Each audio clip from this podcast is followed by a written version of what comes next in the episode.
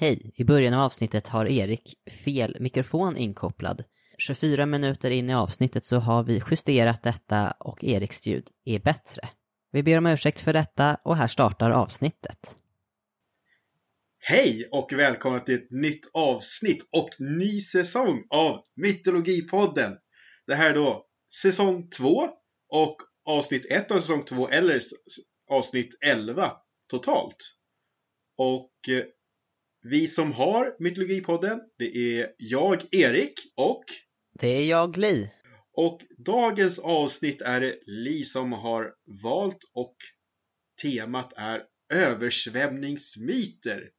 Och jag är lite rädd att vi tagit oss vatten i huvudet för det, men det blir jättespännande. Alltså redan. Jag har skrivit en lista på översvämningsrelaterade ordvitsar. ja, vi får hoppas att vi inte drunknar i Ja! ordvitsar i år då. Ja! Jag är så glad nu. Tack Li för att du är med på det här. Jag hade faktiskt inte med den på min lista. Kul. Jaha, ja men då så. Det är tur att jag kommer att fylla på lite. Ja, Men ja, i alla fall, översvämningsmyter tänkte vi prata om den här gången. Och jag tänkte att eftersom vi pratade om skapelsemyter myter i förra säsongen, så tänkte jag att lite, lite undergångsmyter skulle bli kul. Och då tänkte jag ju ganska snabbt på Noas ark och översvämningen. Och jag tänkte, det är ju ganska klassisk undergångsmyt. Men sen så har vi tittat lite och alla översvämningsmyter har ju inte alltid med just undergång att göra. Så det kommer bli lite variationer på översvämningsmyter i det här avsnittet som har både med eh, skapelse, men kanske främst med undergångs och förstörelse och eh, vi har också fått in en fråga på det här temat förra säsongen Mm, av vår kära lyssnare Nils. Och han var lite gnällig till mig ett tag om att vi hade svarat för lite på hans fråga i ett avsnitt. Så jag hoppas att han blir nöjd med ett helt avsnitt som tar upp det han också hade frågat om. precis, vi kommer fördjupa oss ännu mer i de frågorna i det här avsnittet. Mm. Och det är som vanligt att vi kör två myter var. Mm, Eh, som hänger ihop på lite olika sätt. Och så är det en myt jag inte vet om den hänger ihop alls med resten. ja, det får vi Men- se. Ja, det får vi se. Eh, men det blir spännande att se vad det här tar vägen. Och eh, ska vi köra igång? Det kan vi göra.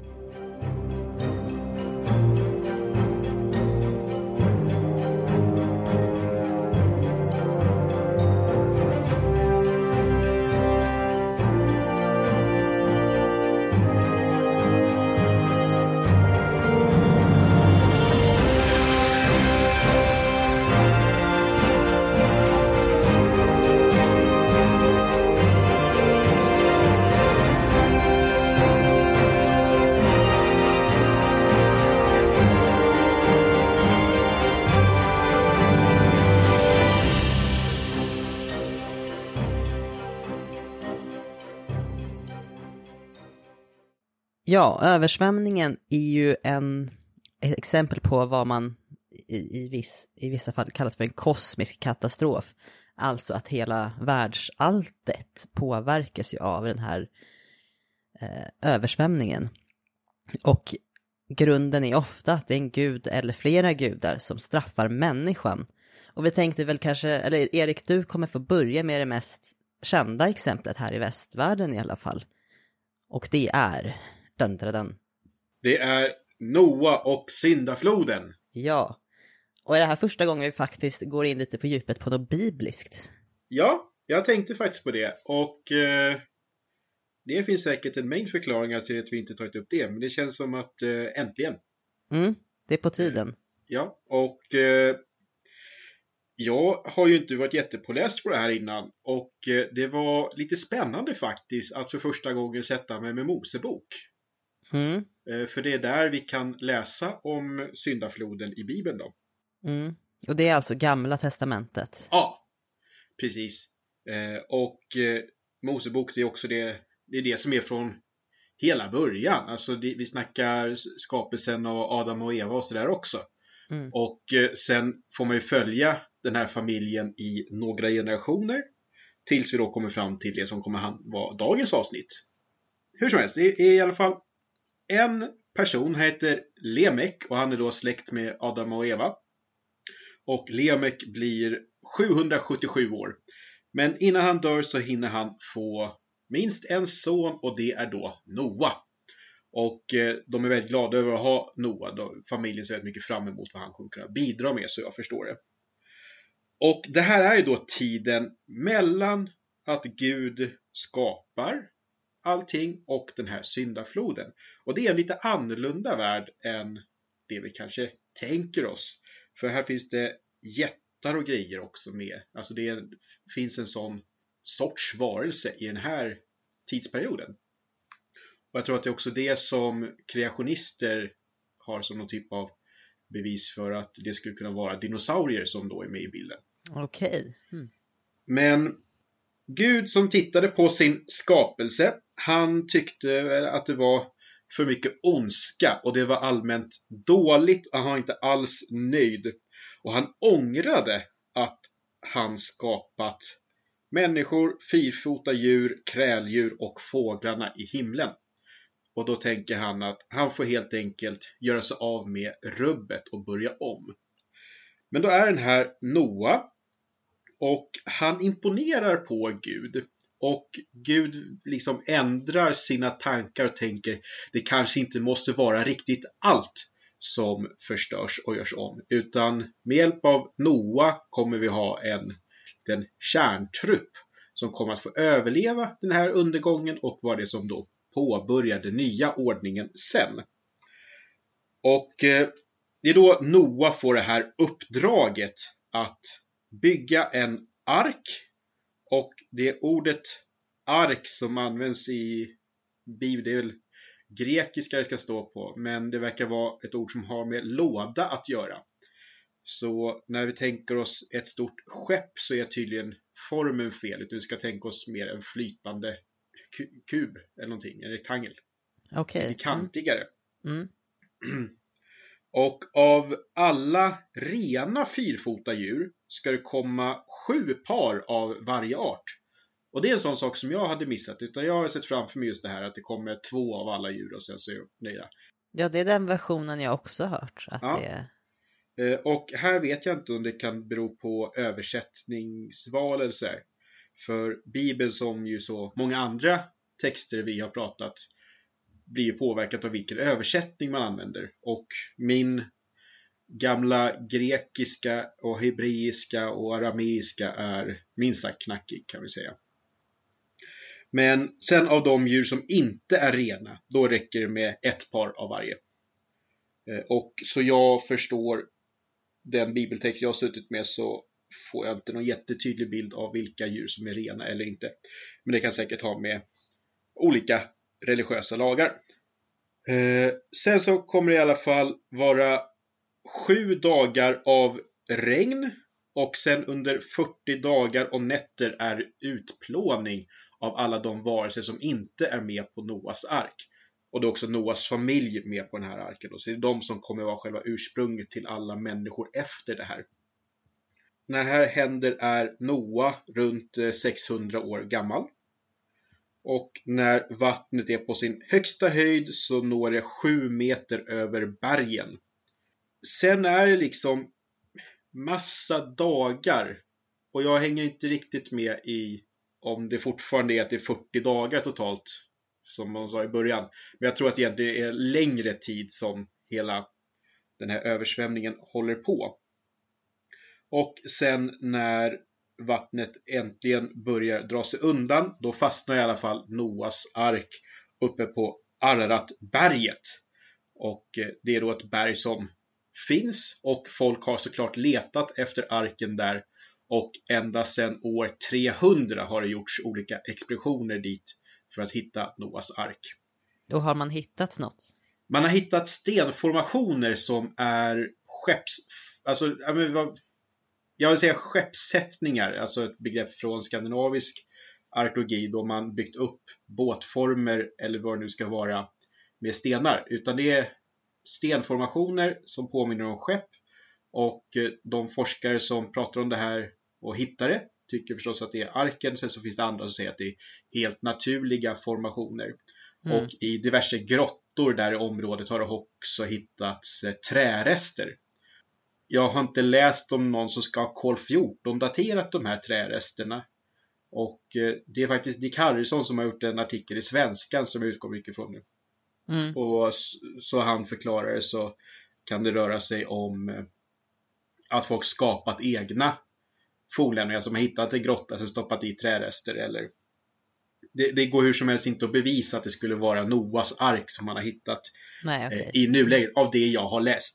Mm. Eh, Det finns också en svensk arkeolog som letar efter arken. Han kallas för Sveriges Indiana Jones har jag sett. Heter Holm, Holmgren i efternamn.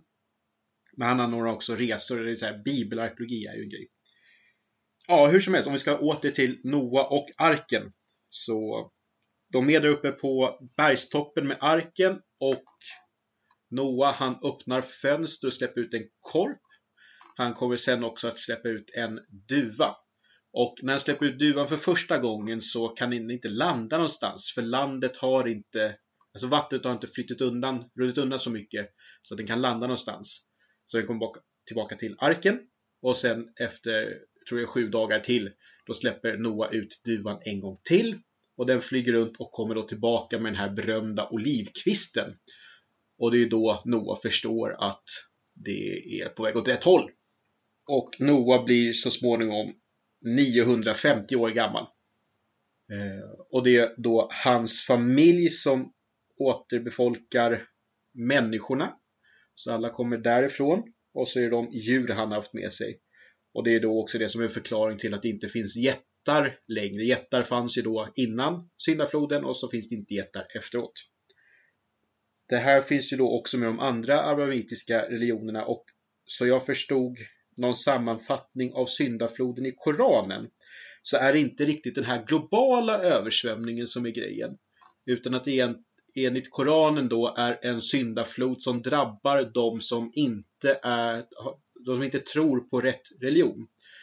För även i Bibeln så är det så att folk de trackar, alltså de retar Noa för att han håller på att bygga en ark. Och det är Mm. också det här med att det inte finns någon tro som gör att Gud är inte nöjd med sin skapelse. Utan Noa är en av få som tror på rätt sätt. Eh, och eh, enligt Koranen då så är det de som inte tror på rätt sätt, det är de som drabbas av syndafloden. Så det är inte att det blir över hela jorden på en gång. Om jag förstår en andrahandskälla på rätt sätt.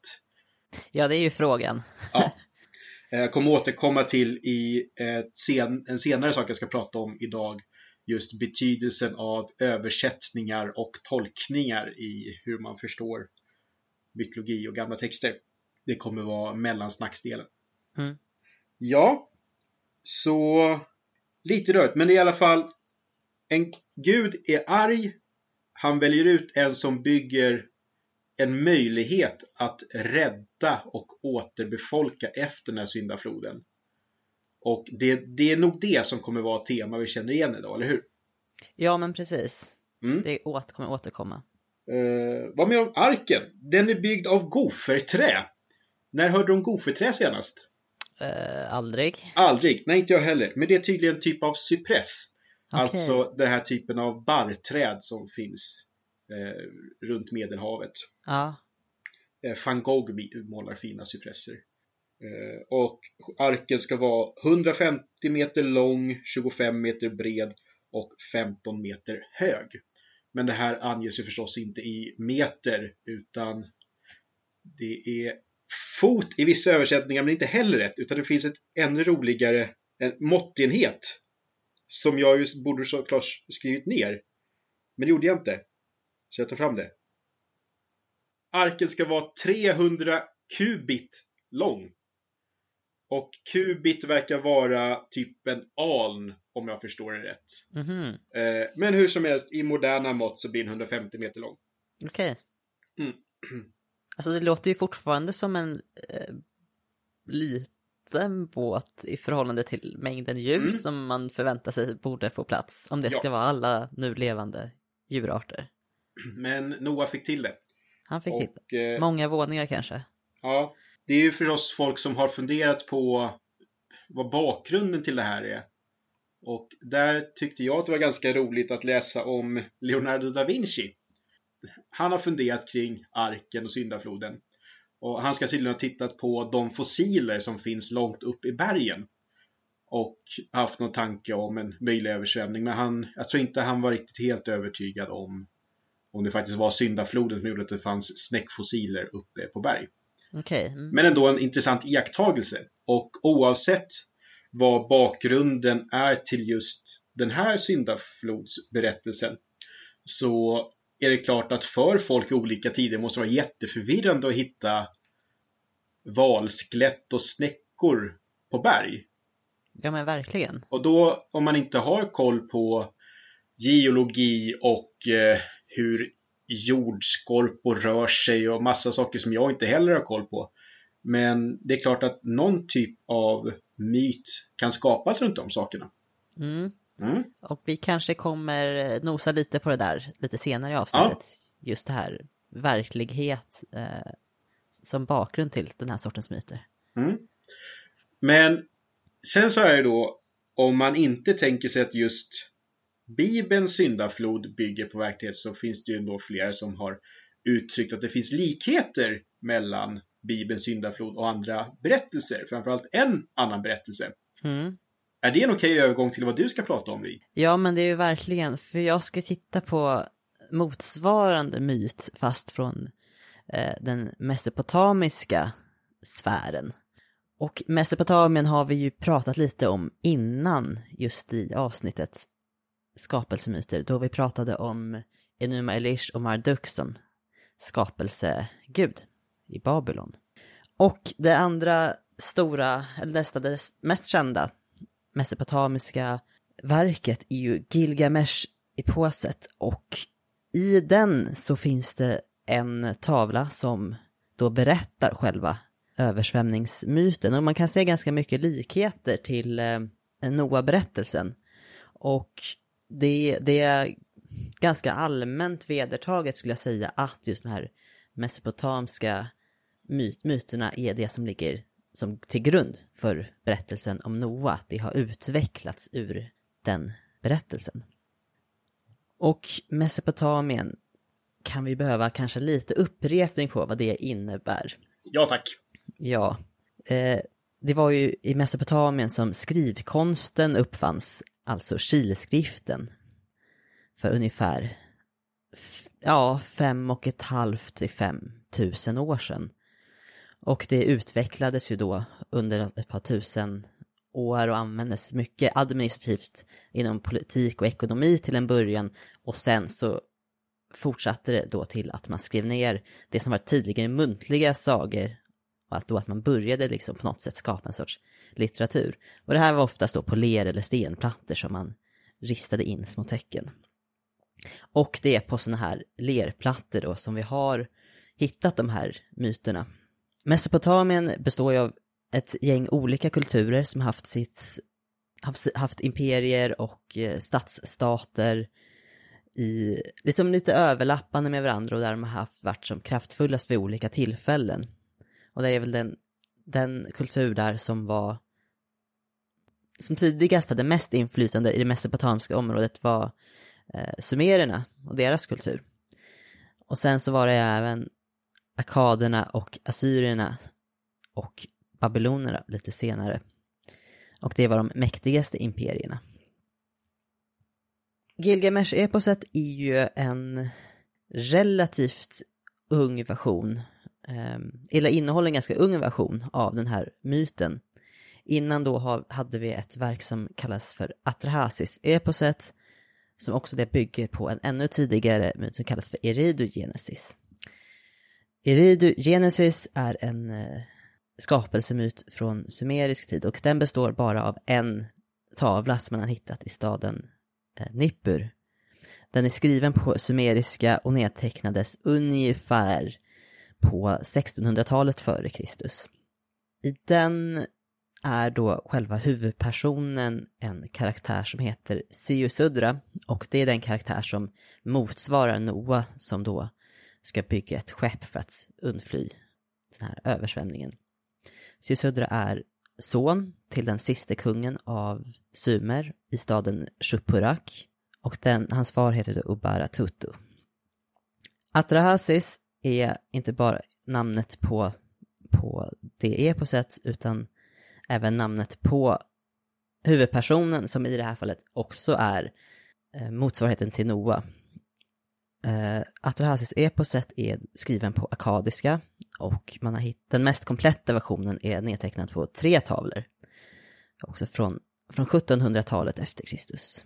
Nej, före Kristus, förlåt.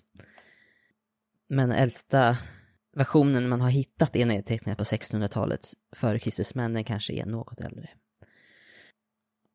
Och Atrahasis är då, beskrivs också då som kung över samma stad, Shupurak. så att man kan tydligt förstå att det är samma karaktär, samma person det handlar om, fast de har blivit namngivna på olika sätt.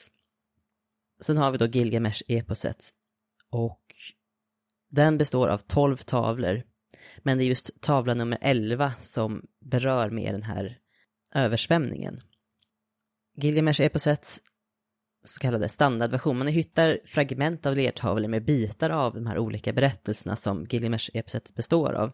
Men den här standardversionen med flest tavlor eh, är från 1250 f.Kr. skriven på akadiska. Och eftersom det är en samling av massa olika berättelser så är allting inte helt konsekvent i den.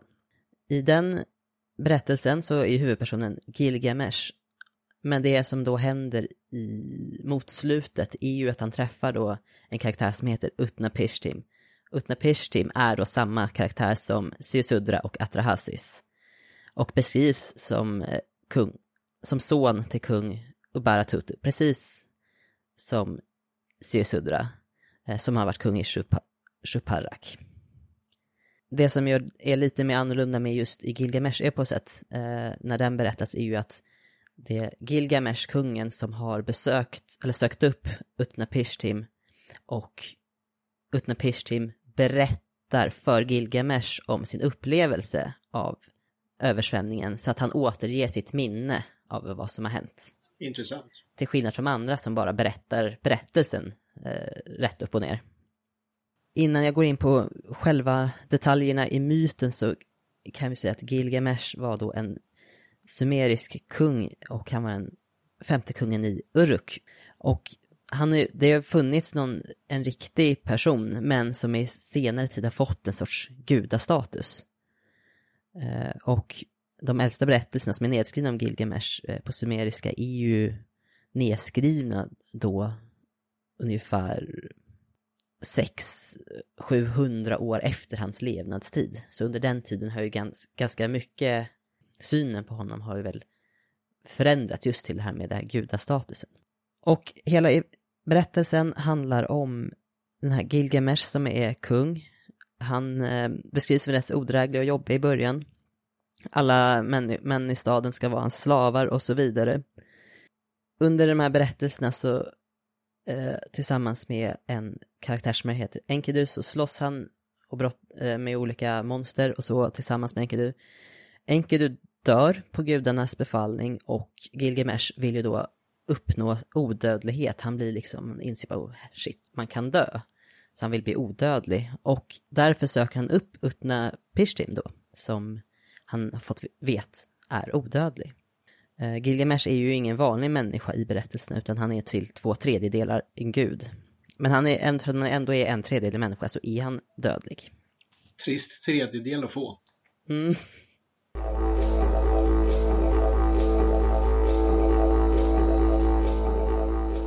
Okej, där vi, det, blev ett litet, det blev ett litet avbrott där, för Erik noterade att det var fel mikrofon som hans röst spelades in på, så vi har fixat till det här nu. Jag ber så hemskt mycket om ursäkt till alla berörda, mest Li. Ja, men nu tar vi och eh, går igenom vad som händer i Gilgamesh-eposet, tavla nummer 11. Ja! Och det är Gilgamesh, han har då mött Utnapishtim och undrar hur han fått evigt liv. Utnapishtim berättar om sin erfarenhet från översvämningen och det här var alltså långt före Gilgameshs tid eftersom Utnapishtim är odödlig. Det var då som så att gudarna de hade ju lust att uppbringa en stor stormflod För att de tycker ju att människorna är ju liksom för många och ganska stökiga. Guden Enlil tror jag är den som bestämmer att nu ska vi göra något åt det här. Och gudarna tillsammans eh, beslutar då att de ska göra, uppringa den här stormfloden. Men guden, vishetens gud, Ea, han kringgår den här tystnadseden som gudarna svär till varandra om att de ska inte få berätta för människorna vad som ska hända eftersom människorna ska ju, de ska bort helt enkelt. Ea kringgår den här tystnadseden genom att prata med en, en vassvägg till någon hydda. Och bakom den här hyddan så sitter ju då, eller väggen så sitter ju Utnapishtim och hör vad Ea säger. Det förstår jag ju. Och om ni inte kommer ihåg vem Ea är, som också vissa myter kallas för Enki, det är alltså då Marduks pappa som vi eh, har tagit upp tidigare. Ea berättar då för den här väggen, eller Utnapishtim, att eh, det kan vara lämpligt nu att bygga ett skepp och så ska du ta ett frö från allt levande. Han ger också instruktionen att längden och bredden på det här skeppet ska vara lika långa och taket ska vara som guden Apsus tak. Och Apsu, som vi minns, är då en färs färskvattensgud, en av urgudarna som var gift med monstret Tiamat, saltvattensguden.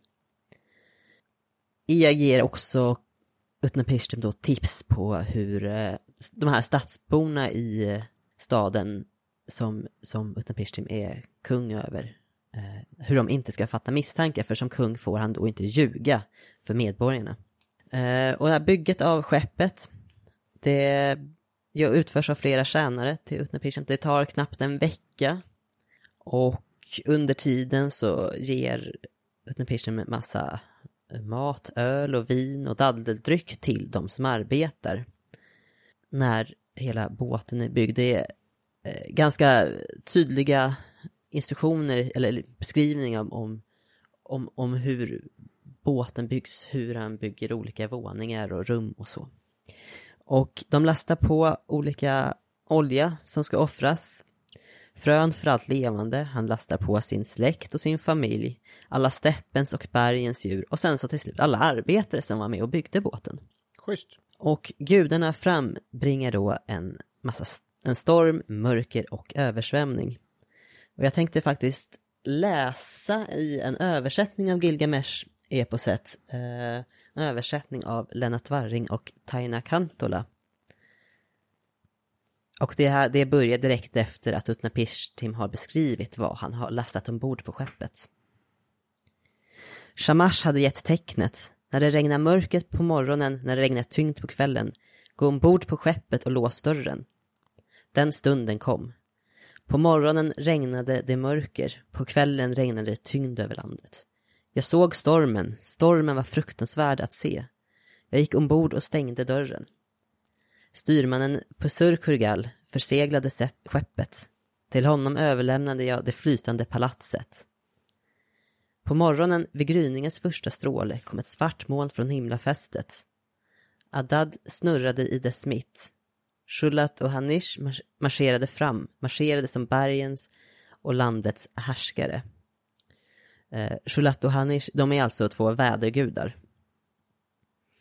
Arakal drog upp förtöjningspålarna, Ninurta kom och lät floden svämma över. Anunnaki-gudarna bar facklor, fick marken att glöda med sina facklors ljus. Adads tystnad spreds över himlen, innan allt ljus förvandlades till mörker. Landet krossades som en kruka. Under första dagen härjade stormen över landet. Snabbt tilltog den i styrka, stormade som ett flodvapen. Som ett stridsvapen drog den fram över människorna. Ingen kunde se sin kamrat. Ingen kunde urskilja människorna i stormen. Även gudarna blev rädda för floden, flydde upp till Anus himmel. Gudarna tryckte som hundar vid den yttre muren. Ishtar skrek som en barnaföderska. Gudafrun, hon med den vackra rösten grät. Den gamla tiden har förvandlats till jord. Därför att jag talade onda saker i gudarnas församling. Hur kunde jag tala sådana onda saker i gudarnas församling? Jag borde gett order om att förminska mitt folk i krig istället. Jag själv, fött, jag själv har fött dem. Det är mitt eget folk, men nu flyter det som fiskar i havet. Anunnaki-gudarna grät med henne. Gudarna satt där och grät, klagade med febervarma läppar. Under sex dagar och sju nätter blåste vinden och stormen fick floden att översvämma. När den sjunde dagen kom mojnade vinden och floden som hade kastat sig från den ena sidan till den andra som en födande kvinna. Havet lugnade ner sig. Imhulluvinden tystnade. Floden drog tillbaka. Jag såg mig omkring, tystnad rådde, för hela mänskligheten hade åter blivit jord. Flodlandet var slätt som ett tak. Jag öppnade en lucka och ljuset föll på mina kinder. Jag böjde mig ner satte mig och grät. Mina tårar rann på kinderna. Jag spanade efter stränder och havets gräns. Långt borta syntes tolv öar. Båten hade stannat på Nisirberget, fastnat där, rörde sig inte mer. Under den första och andra dagen låg skeppet fast vid Nisirberget, rörde sig inte mer. Under den tredje och fjärde dagen låg skeppet fast vid Nisirberget, rörde sig inte mer. Under den femte och sjätte dagen låg skeppet fast vid Nisirberget, rörde sig inte mer. På den sjunde dagen var det över. Det var alltså direkt från Gilgamesh-eposet. Tar, tar din översättning slut där eller har du mer? Det finns, det fortsätter. Mm. För är det så att det kommer en korp och en duva också där på sjunde dagen? Det som händer nu är att han, han skickar iväg en, en duva, den sjunde dagen, som flyger tillbaka, men för att den inte hittar något land. Och sen en svala, hittar inte land. Sen skickar han iväg en korp. Och den korpen, den såg att floden höll på att sjunka undan och kunde då äta och kom inte tillbaka till skeppet. Det som händer då är att Utnapishtim börjar offra till gudarna. Och guden Enlil som då tog initiativet till översvämningen är ju rasande för att ingen människa skulle överleva. Och Ea som hade då tipsat Utnapishtim om att bygga skeppet eh, tillrättavisar en lite så här att med att det kunde ju finnas bättre metoder för att minska människans antal. Till exempel kunde tigrar äta människor eller andra djur. Eller sjukdomar, det finns lite andra sätt vi kan, vi kan minska antalet utan att liksom förgöra alla. De undrar då lite vad de ska göra med Utnapishtim. Och Enlil då gör Utnapishtim och hans hustru till gudar och för att de ska då få fortsätta bo vid flodens mynning. Det är det här då som Utnapishtim berättar för Gilgamesh. Och sen resten av den här tavlan så sover Gilgamesh ett tag och sen blir om, omhändertagen innan han får återvända hem. Och får då ett tips av Utnapishtim att det finns en växt som om, när man, om man äter den så får man ungdomen åter. Och Gilgamesh hittar den växten, men medan han tar ett bad så är det en orm som tar växten och äter den. Och det gör att ormsen, ormen då ömsar sitt skinn. Ah! Intressant, coolt. Ja, så det är det som står i eh, Gilgamesh-eposet. Sen finns det ju då lite detaljer då som kanske sk som skiljer, skil eller som skiljer den ifrån de tidigare versionerna som är Atrahasis-myten så är det skickar då den här guden Enlil, som då, han är en vädergud, det är därför kanske är ganska naturligt att han uppringar storm och översvämning. Mm. Eh, men han har ju skickat farsoter och torka på eh, människor först. Och sen övertygar Enlil de andra om att en översvämning är det bästa sättet just för att tillräckligt mycket människor inte dog av de här farsoterna. Där noteras det ju också att efter översvämningen att det blev ju lite jobbigt när alla människor dog. Atrahasis eller liksom Utnapishtim har ju inte framträtt än som överlevande. Och gudarna insåg att det är ju väldigt jobbigt när det inte fanns några människor för att nu måste gudarna arbeta för de det finns inga människor som offrar till dem. Ah. Så det finns ju, fanns ju en viss ånger i det där. Ah, ja. ah. Men i likhet så är det ju en vecka innan vattnet försvinner när översvämning har varit. Och Atrahasis lämnar offer, det är samma, och belönas med evigt liv och en plats bland gudarna. Och det slutar med att, ja, Enlil själv faktiskt föreslår andra metoder för att begränsa befolkningen, eller befolkningstillväxten. Där har vi ju lite, lite grunden då till vad som ligger bakom, som ligger bakom Noa-myten. Ja, och det finns ju massa likheter. En sak som jag inte tog upp, men som jag kom på nu när du berättade ditt, det är att när syndafloden är klar, då upprättar Noa också kulten. Han bygger mm. ett altare eller ett tempel, vilket det då också är som i Gil Gilgamesh-eposet här. Mm. Det här med evig, evigt liv är också närvarande i Mosebok, om jag minns rätt. För visserligen Noah och hans familj, de blir ju flera hundra år gamla och sådär, men jag tror att det är någonting om vissa icke-begränsningar tidigare, så att man, guden, guden, han måste hitta på en begränsning också. Mm. Eh, vilket väl också är lite temat här, att det, det är för mycket människor annars. Ja, precis. Eh, Det, som var det som du tog upp var ju då måtten på arken. Mm.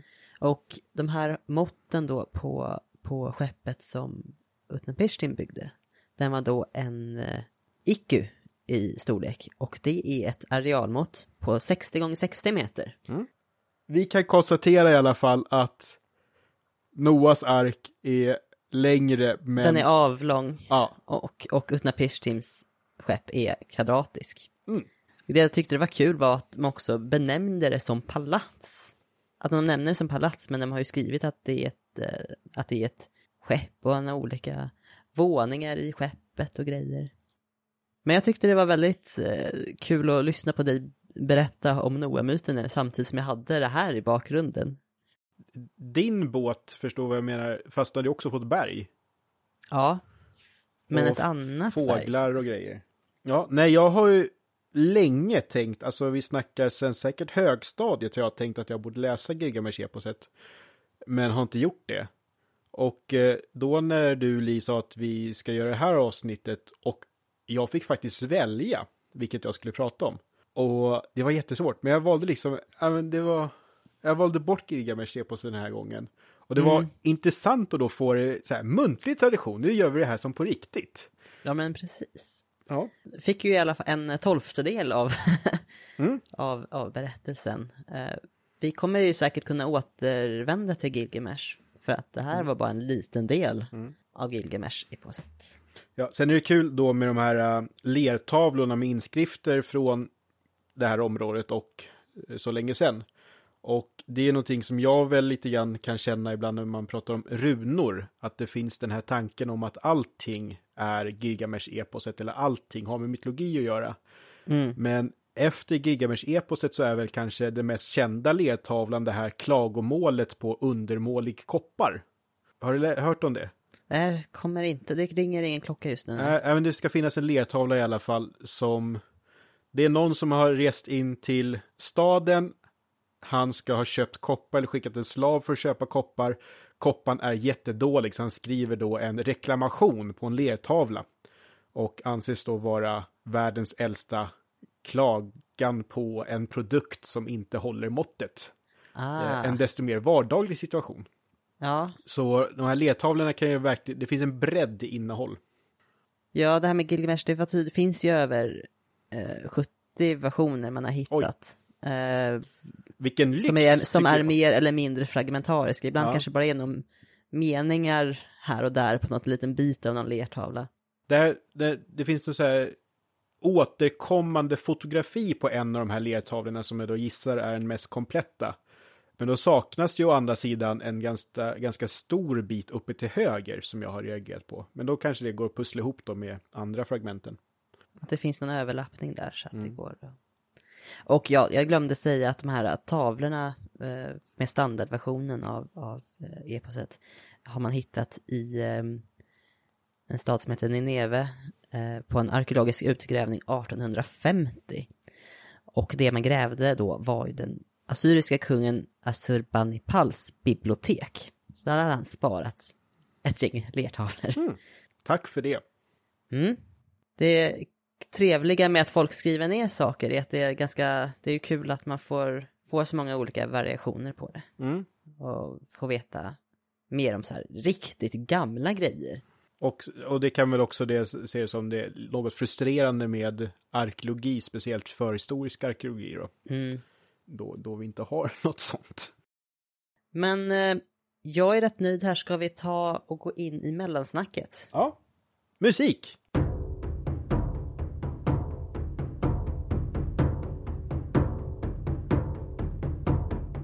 Ja, och normalt sett när vi har mellansnack så brukar vi frångå dagens ämne lite grann. Men nu ska vi fortsätta besvara Nils frågor då. Vi har inte översvämmats med andra frågor. Nej, det kan jag inte säga. Vi har fått lite grann som vi kommer ta upp eh, framöver. Men nu ska vi återgå då till Nils frågor om översvämningen. Han nämner då översvämningen som man tänker på i historien om Noa och arken, att den har en förlag i den mesopotamiska myttraditionen. Det har vi ju gått igenom nu. Check. Men Nils fråga då, har den någon verklig förankring? Är det så att det har varit en översvämning av något slag som har gett upphov till detta? Sen hade han en följdfråga, i vilka traditioner kommer denna myt fram? Och då hade vi tolkat det som översvämningsmyter i allmänhet, utöver den mesopotamiska abrahamitiska traditionen. Och den frågan besvarade vi i ett tidigare avsnitt. Och jag kan inte för guds skull komma på vilket avsnitt det var. Och jag hittar inte mina anteckningar på det heller. Men vi har besvarat det tidigare. Så ni får lyssna igenom säsong ett om ni inte har gjort det än. Så, så får ni svaret på det. rimligt, Li. Jag uppskattar det. Eh, jag känner alltid att jag har, inte har koll och lister upp saker, så jag är väldigt glad att du gör den här läsningen. Tack. Ja, men jag var lite så här att ja, men nu har vi gjort klart säsong ett. Då tar jag bort alla mina digitala filer på Ja. det. eh, Åh, och så hade jag inte det på mina handskrivna anteckningar. nej. Men jag vet att vi har svarat på den delen. Mm-mm. Men det jag tänkte då kolla, eller besvara är ju huruvida det finns någon verklig förankring som ligger till grund för myten om Noa och arken och det tidigare i Mesopotamien med, nu tappar jag helt med, Atrahasis och eller Utnapishtim. Och Me- Mesopotamien ligger ju ungefär i området som idag består av Irak, eh, sydöstra Syrien och så har vi då Kuwait och en liten bit av Iran, alltså nordväst om den persiska viken. Och i det här området då så finns det då stora floder, Tigris och Eufrates. Jag har då tittat i två olika vetenskapliga artiklar där geologer har undersökt alltså möjligheten för översvämning i området. Och de har ju kunnat se att det har varit väldigt stora översvämningar här. Och Atrahasis-myten den utspelar sig kring Tigrisfloden och eh, Utnapishtim, alltså Gilgamesh-mytens runt Eufrates. Så att det är liksom, de utgår från olika städer, men de olika städerna vill ha velat berätta samma myt men ändå landar i sitt eget område. De här geologerna har alltså kunnat se att det varit översvämning i sydöstra Mesopotamien mot den persiska viken. Det var inte ovanligt att det blev översvämningar i det området för att det är ett väldigt flackt område och i perioder då när det rinner på extra mycket för floderna liksom från Medelhavet så kan det bli väldigt blött där.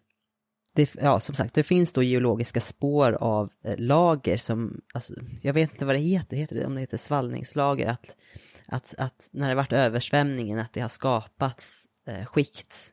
Men, gud vad jag inte kan geologi känner jag nu. Men man, det går att se att det är eh, alltså sed, sediment som är avsatta på ställen som bara kan ha orsakats av översvämningar. Jag tycker det låter som att du har stenkoll. Och då beräknat på den eh, lokala geologin i området så kunde då en av de här geologerna se att en eh, stor översvämning på, det- i det här området, att om det täck, alltså täckte så mycket som det faktiskt kunde göra baserat på geologins grund, så var man mitt på vattnet här och översvämning, så såg man inte landmassorna, så att det såg ut som att det var vatten åt alla riktningar i oändligt. På grund av att jorden är rund så är ju en viss, så är det ju en viss begränsning på hur långt man kan se innan liksom horisonten tar vid. Och så stor översvämning har det då alltså kunnat vara där. Eh, och då också på grund av avstånden och jordens rundhet så syns ju kanske inte ens vissa berg som ändå är ganska höga för att de är ändå för långt bort för att eh, ögat ska kunna uppfatta dem. Så att det finns, finns ju eh, absolut möjlighet att människor har varit med om en så här stor översvämning och upplevt det som att kanske rent av hela världen har, har översvämmats. Men det är ju en, det är en stor men det är en väldigt lokal översvämning såklart. Eh, som sen sjunker undan och det kanske tog en vecka. Det, det stod det inget om jag kommer ihåg. Men att det kanske inte var under så lång tid i alla fall. Och i en av de här artiklarna då så kunde man ju då se att havsnivåerna blev mycket högre och att det blev ett högre grundvatten ungefär cirka, cirka 3000 före Kristus, alltså 5000 år sedan. Att det nådde en sorts maxnivå vid den tidpunkten och det ledde ju till förändringar i flodsystemen i området. Och varje, liksom den här sti, för varje steg av förhöjd havsnivå med, med den här påverkan kunde ha upplevts som väldigt destruktiva översvämningar. Och jag kommer inte ihåg nu om det här delvis kunde ha med avsmältning av eh, ismassor som har gjort att den allmänna havsnivån eh, höjdes. Men det har i alla fall varit stora översvämningar i området på riktigt och mm. 3000 före Kristus, om det var den då maxnivån så är ju det eh, ändå i minnet, det är ändå ganska, det infaller ju ändå i början av de här mesopotamiska imperierna. Det är i början av deras sådär, storhetstid. Mm. Så då är det inte konstigt att det är, att de finns också som en sorts, som en viktig, som en viktig, ja men viktigt närvarande i deras eh, mytvärld. Att det är något man kommer ihåg genom berättelser om det. Så har det kanske växt och blivit större och man blandar in gudarna. Och det var det jag hade på de här Noa och mesopotamiska myternas eventuella verkliga förankring. Väldigt intressant. Mm. Ja, nej, jag hade ju försökt kolla upp det där, men jag hade inte alls något som var lika välundersökt som det du tog upp, så jag tänker ta andra sidospår istället om det känns okej okay med dig. Mm. Eh, för jag har en tanke som är lite kopplad till de så kallade flodkulturerna, som ju också är det området du har pratat om. Ja. Eh, och har då slängt ett öga på gamla Egypten. För där har man då haft en androgyn gudom som heter Hapi. Och Hapi är ansvarig för att Nilen varje år, varje år ska översvämmas. Eh, så det här är då en översvämningsmyt med en väldigt tydlig verklighet som kanske inte riktigt räknas in till de översvämningsmyter som finns runt om i världen, men ändå. Och att Nilen översvämmas årligen är jätteviktigt för att Egypten ska fungera historiskt sett, men också nu så jag förstår, det är nog inte helt oproblematiskt med Nilen i nutid. Men där har då översvämningsmyten och myterna runt Nilen blivit inte alls samma undergångskoppling utan det är snarare livgivande.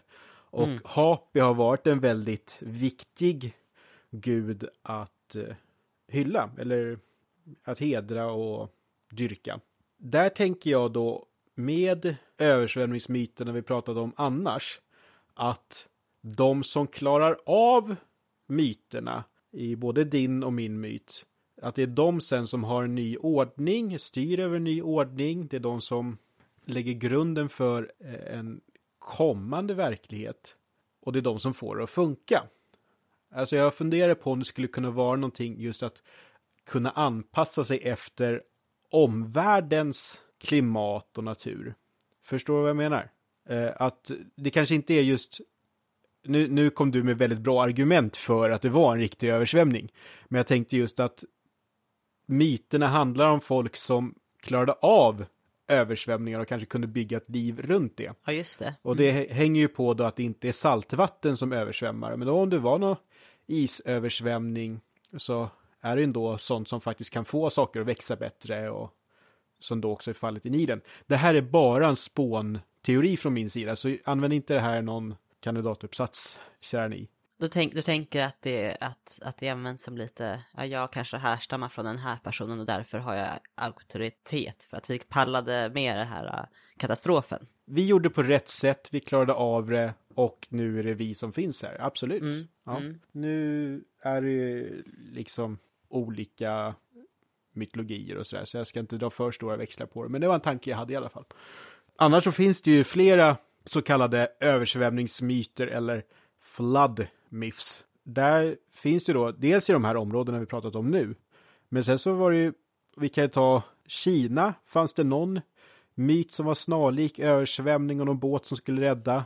Och på Hawaii fanns det väl också någon snarlik myt. Oh, jag kommer inte ihåg. Jag kommer ihåg att, det, att jag, eh, när jag besvarade Nils fråga sist, att det var något no indiskt också. Ja, äh, Hawaii, eh, någon som fyller en kanot med en massa djur och sin familj som då överlever när det blir en stor översvämning. Mm.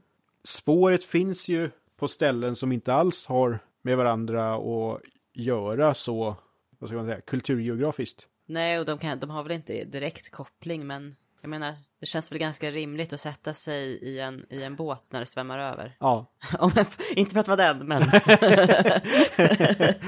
oh, jag är Li, jag bygger båtar och räddar alla. Oh. Ja, absolut. Men vi hade är det också en till följdfråga från Nils. Ska vi, hoppa, ska vi ta den? Ja, och eh, det är den som blir lite mer en egen del va? Ja, exakt. Ja, så då kör vi musik.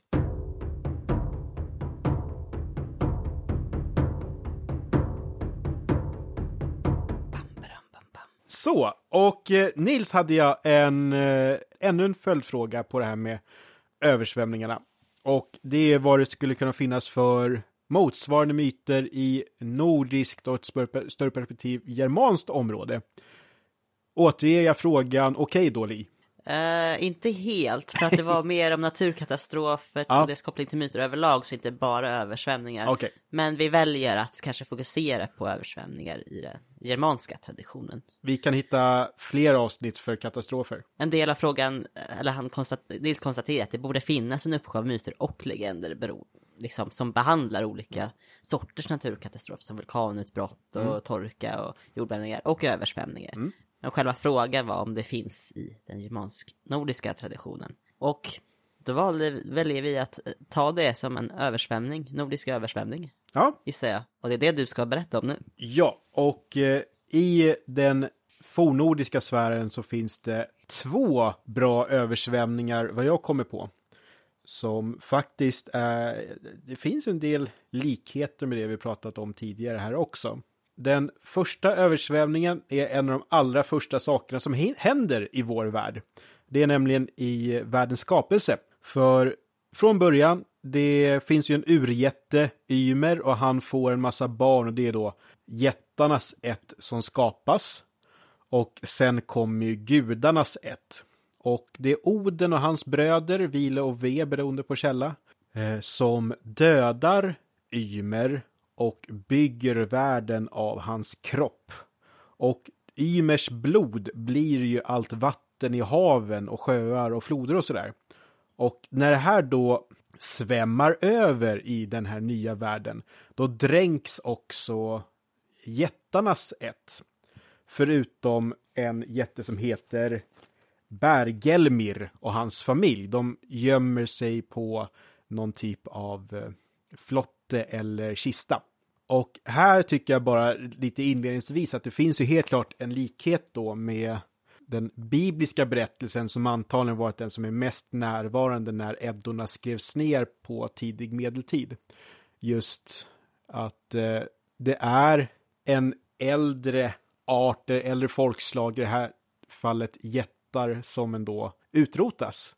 Men vi har också någon typ av arkaktig sak för de här jättarna.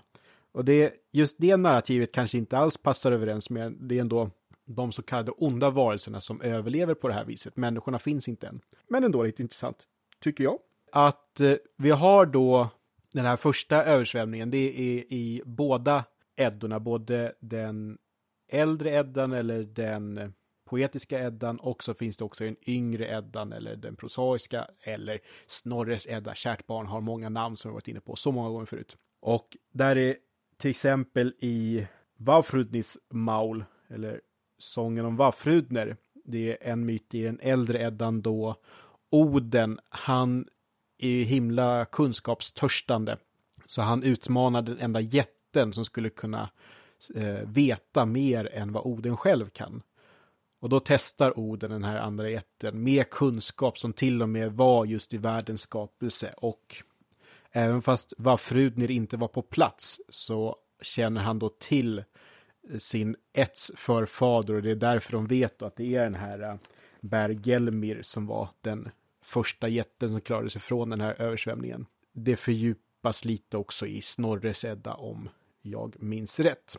Vafrudnir och Oden, de är i alla fall väldigt jämlika i kunskap och till slut så tycker jag nog att Oden fuskar.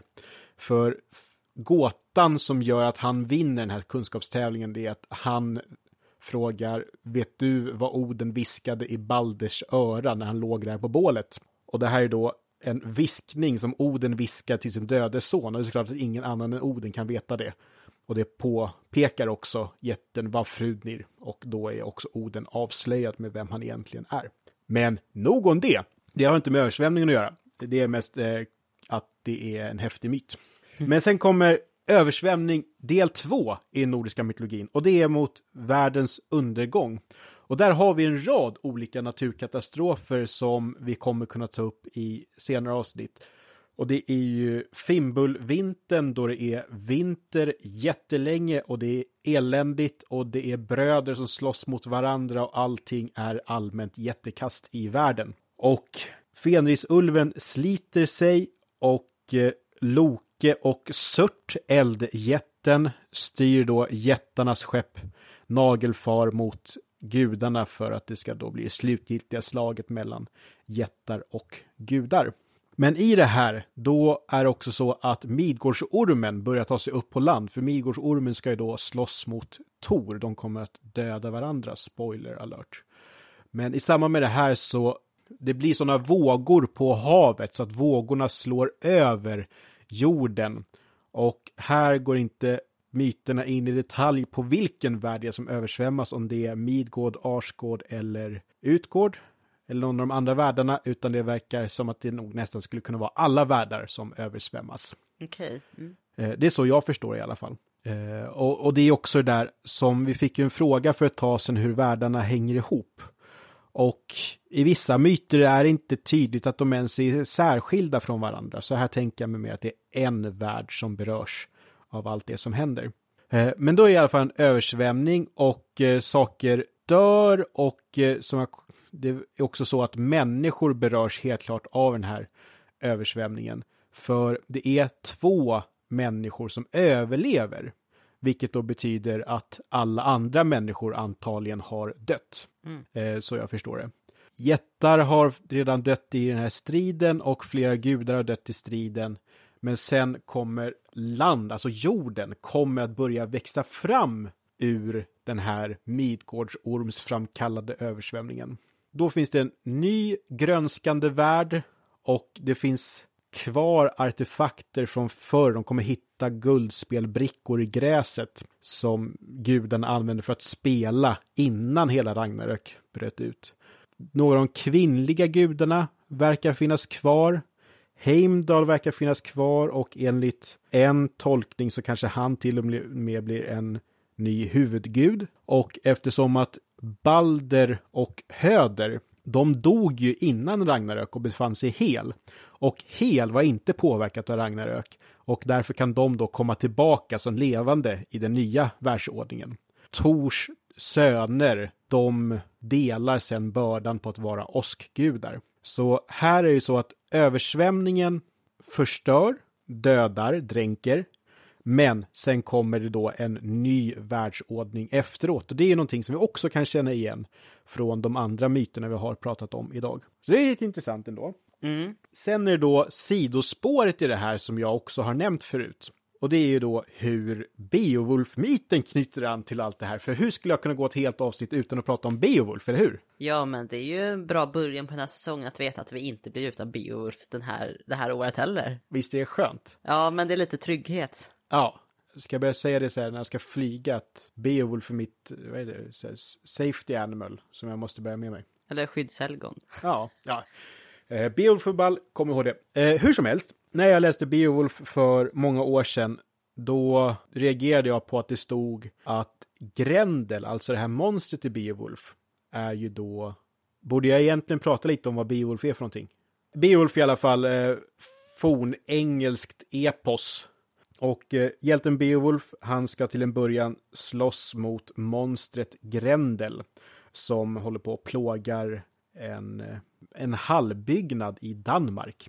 Men i den text jag läste, då står det att Grendel, det här monstret, är ättling till de av Kains eh, ett som överlevde syndafloden.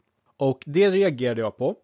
Och eh, det är då Kain från Bibeln och Kain är då den av Adam och Evas söner som dödar Abel. Abel är omtyckt av Gud, Gud tycker inte om Kain och det löser Kain med att döda sin bror då. Och han blir då förskjuten. Mm. i och med att Beowulf trots sina många hedniska aspekter och att det helt klart kommer från myter som nog konstrueras under hednisk tid så är nedskrivet i en kristen kontext och det är klart att man slänger in att den här Svea prinsen eller vad man nu, vilken teori man tycker om Beowulf stämmer bäst, att han också borde vara kristen, för det är det som passar för de som hörde Beowulf när det skrevs ner. Men då tyckte jag ju att det kändes ganska rimligt att i en hednisk version av Beowulf, då borde det vara så att Grendel är ättling till de jättar som överlevde den första översvämningen. Just det, som du nämnde tidigare. Ja, alltså Bergelmirs ättlingar. Mm, mm. För rent eh, berättarmässigt så funkar det lika bra och eh, i och med att Beowulf borde komma från en hednisk berättartradition så tycker jag, ja men Grendel borde vara eh, en jätteättling istället. Mm. Och det här har jag ju varit jättenöjd över flera år och jag har tänkt att det här om något borde jag kunna skriva en artikel om. Och till det här avsnittet idag, då kollar jag för första gången på flera år upp vad som egentligen står i Beowulf och oj vad jag blev besviken. Och det här då vikten av att komma ihåg att när vi läser gamla texter, då har vi inte bara att göra med en översättning, utan det är också en översättning som är en tolkning av ett äldre material. Så vad står det då i? Nu sitter jag med en utgåva av Beowulf som har både fornengelska och modern engelska. Det är en översättning av eh, Howell D. Chickering Jr. Här är det lite mer att Grendel kommer, att han är som de monster som Gud hade bannlyst i samband med att Kain dödade Abel.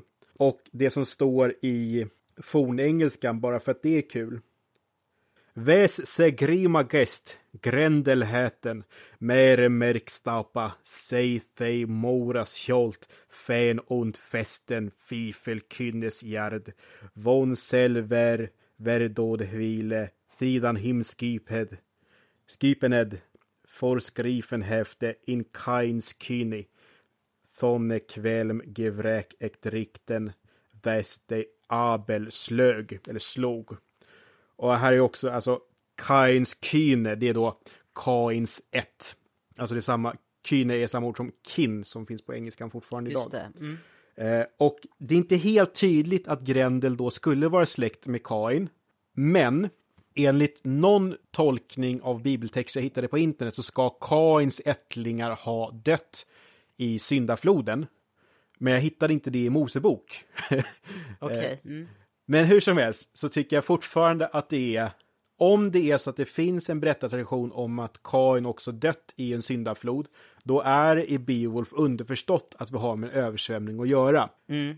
Och därför kan det fortfarande vara så att det kommer ur ett gemensamt ursprung, att man då applicerar en kristen myt på en hednisk myt som är väldigt snarlik. Mm, just det.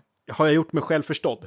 Man kristifierar hednisk grej. Ja, och, eh, och det finns Om det, ju... om det är ett ord. Ja, alltså man anpassar sig till en ny tid. Och det finns det andra fall av också. Eh, där finns det Edda-dikter som är eh, kristna. Jag tror den heter Solens sång. Och eh, det finns också tolkningar om att Ragnarök-myten slutar med att det egentligen är den kristna tiden som tar över. För efter Ragnarök, då är det lite mer att det är en ny världsordning och det är en gud som bor i himlen som får stort inflytande. Och det här har man ju då tänkt att det skulle kunna vara den kristna guden och Balder återkommer också från de döda som en Jesusgestalt. Mm. Eh, Men det som jag refererade till tidigare då, att i boken Fornnordisk religion av Gro Steinsland, då pe- påpekar hon att det finns en av asagudarna som bor i himlen och det är just Heimdall då. Så det kanske är han som man pratar om egentligen. Okej. Men det har inte med översvämningar att göra. Eh, Jag tänkte också bara säga att det var ju synd att jag inte hade min eh, Beowulf-översättning av Tolkien här så hade vi kunnat klämma in den också. Åh, vi har inte, pratat- det här är första Tolkien-referensen jag Ja. på. Exakt, på den här säsongen. Oj, oj, oj. Ja, Det kommer fler. det kommer. Mm. Ja, nej men så. Ni, ni får ha överseende med att eh, jag har alltså byggt upp väldigt mycket förväntningar kring den här Beowulf-historien och så matchade det inte riktigt vad jag hade tänkt mig. Så jag hoppas att ni förstod vad det var jag ville ha sagt. Det går i alla fall att knyta ihop Beowulf-berättandet med både fornnordiskt och kristen historieskrivning. Mm. Ja, jag förstod vad du menar, så att jag tror att det kommer nå fram till våra lyssnare. Skönt. Huh. Alltså jag är helt slut efter det här. Alltså, ni, jag, jag tror inte du förstår hur mycket jag har tänkt på det här. Och så, och så liksom hotades min bild. Jag förstår. Det Ja. kan vara... Det... Du kanske vill pusta ut en stund och så kan jag berätta om vår sista myttradition. Ja, tack gärna.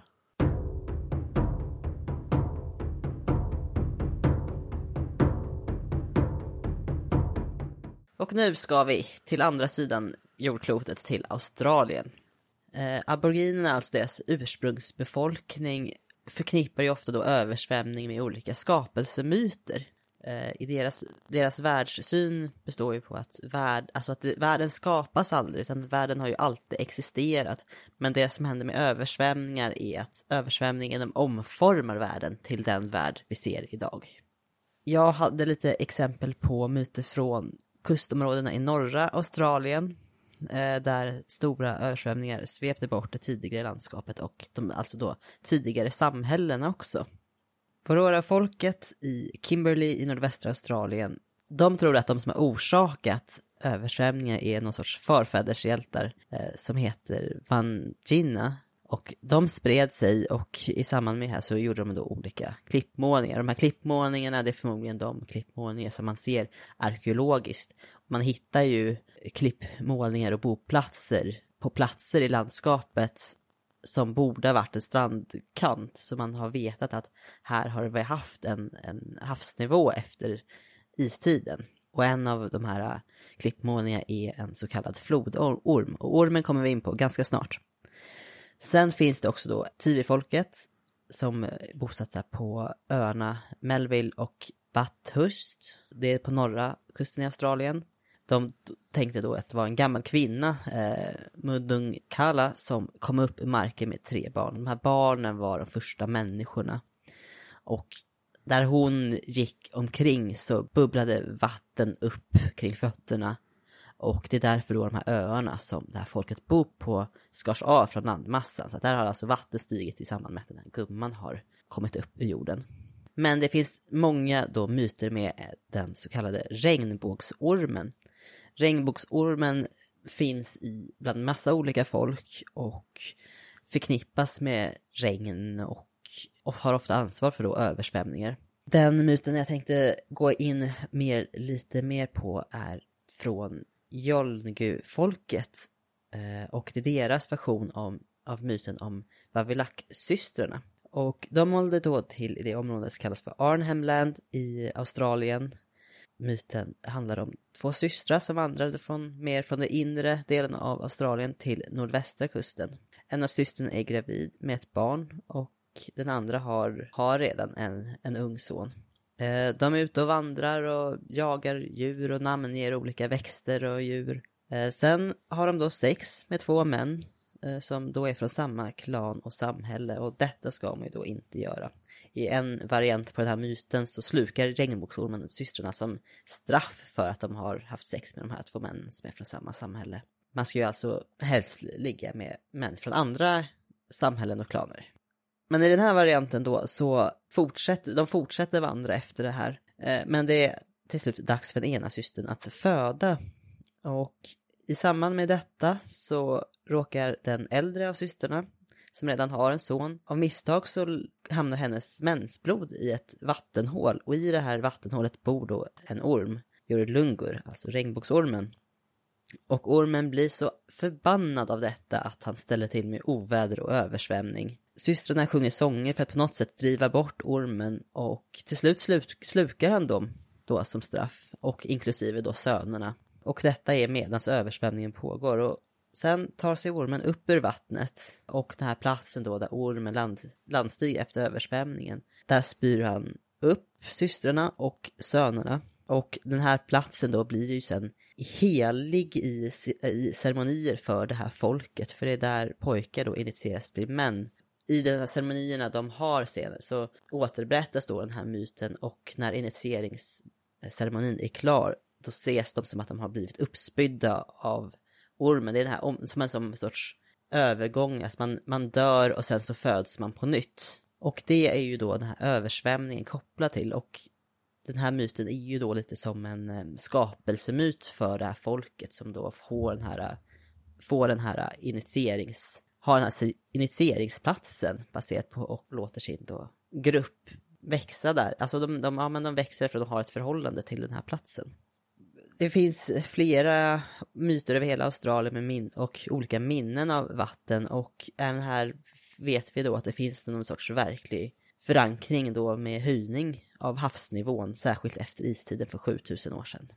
Parallellt till det så kan vi väl också nämna att det finns minnen kring, kring eh, en jätte då, som man berättat om i myter. Och det är kopplat till då vulkaner som har skapat nytt land i Australien. Och då har man då daterat den här vulkanen som den här muntliga mytberättelsen handlar om. Och den är tillkommen för 37 000 år sedan. Så att det är ju ett väldigt långt muntligt minne av en händelse som då har blivit en myt istället. Att vulkanen ses som en jätte istället. Så det, det är väldigt häftigt med det här muntliga minnet som finns i, hos aboriginerna. De är ju väldigt kända för just de här sånglinjerna de har, att de kan hitta i landskapet genom sånger som återberättar olika landmärken och så. Att det blir som mentala kartor över landskapet. Mm. Och det är väl det här med vulkanen som, där det belystes i media för ett tag sedan, kallas världens äldsta myt. Ja, exakt, exakt. Mm. Ja, nej, jätteintressant eh, hela berättandet och eh, jag blir väldigt glad också att du, för ofta när vi pratar om de här gamla sakerna, du vet att man klumpar ihop mytologier och här jag blir glad att du riktade in dig på en del av aboriginerna. Det var mm. intressant. Och mm. också alltså snyggt sätt just att synliggöra en sån sak.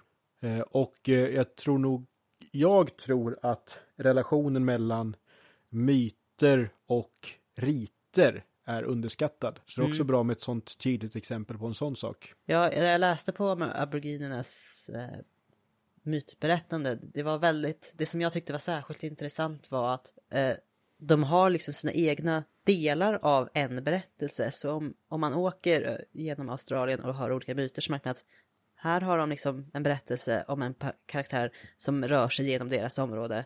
Och sen så åker man till ett annat område så har man en del av den berättelsen om samma karaktär som rör sig genom området, deras mm. område. Så de har inte alltid hela det, så en del, om, så, om jag uppfattade rätt så kanske en grupp i en del av Australien berättar en del av myten.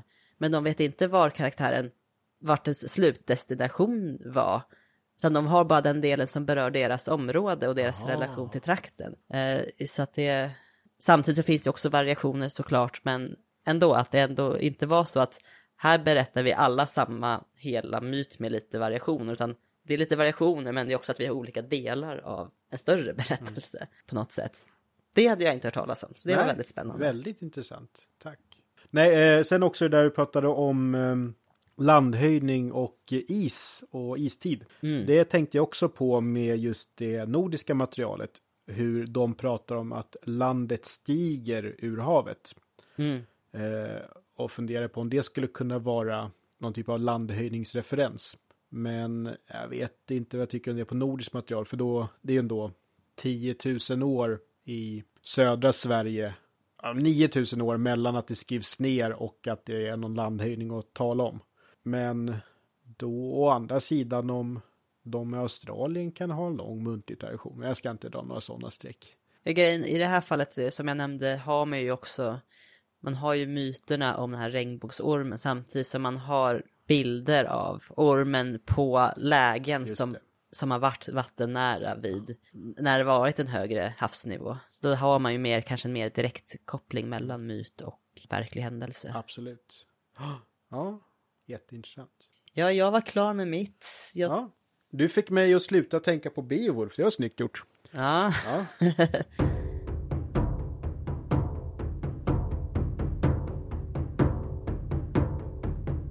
Det känns kul att vara igång med en ny säsong. Mm. Vi, ha, vi hade in, hann ju inte ha så jättelångt uppehåll. Vi vet inte riktigt vad vi gör nästa månad. Det är din tur Erik, ja. eller hur? Ja, uh, jag är inte inne på döden, men vi får se. ja, vi har ju ett samarbete på gång i år. Samarbetesavsnitt. Vi vet inte exakt när, vi när det hamnar i tid, men vi hoppas att det kommer bli snart.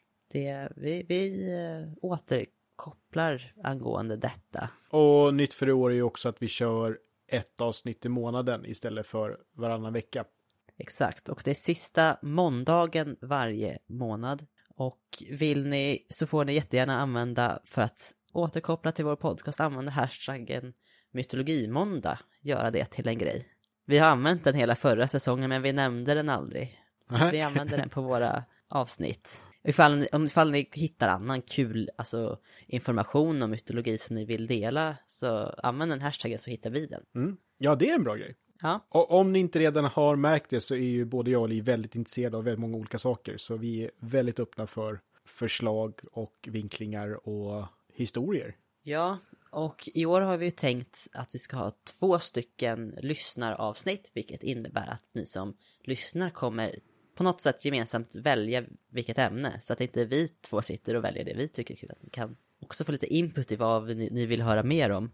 Och det blir eh, i juni och december. Så att än så länge är det gott om tid att höra av er. Då är det dags att knyta ihop säcken. Ja. Var kan man hitta oss, Erik? Man kan hitta oss på Instagram, mytologipodd. På Facebook, mytologipodden. Eh, vi har en hemsida som heter mytologipodden.com. Eh, man kan lyssna på oss på Acast, Spotify och iTunes för att Li har kämpat något oerhört med att få till oss på alla de där ställena. Ja. Eh, och alla våra sociala medier också för den delen. Har ni någon annan poddapp så kan ni ju liksom bara söka se om vi dyker upp. För ibland kommer man upp på liksom sådana här standardpoddappar också. Som, som utgår från vad som finns på iTunes och andra tjänster. Ja, eh, sen om man träffar oss får man förstås ställa frågor då också. Ja. ja, det gick bra det här. Ja. Vi var på djupt vatten några gånger, men det gick bra till Ah. slut. Ah. Vi sätter punkt där. Tack och hej. Hej då! Vi ses om en månad.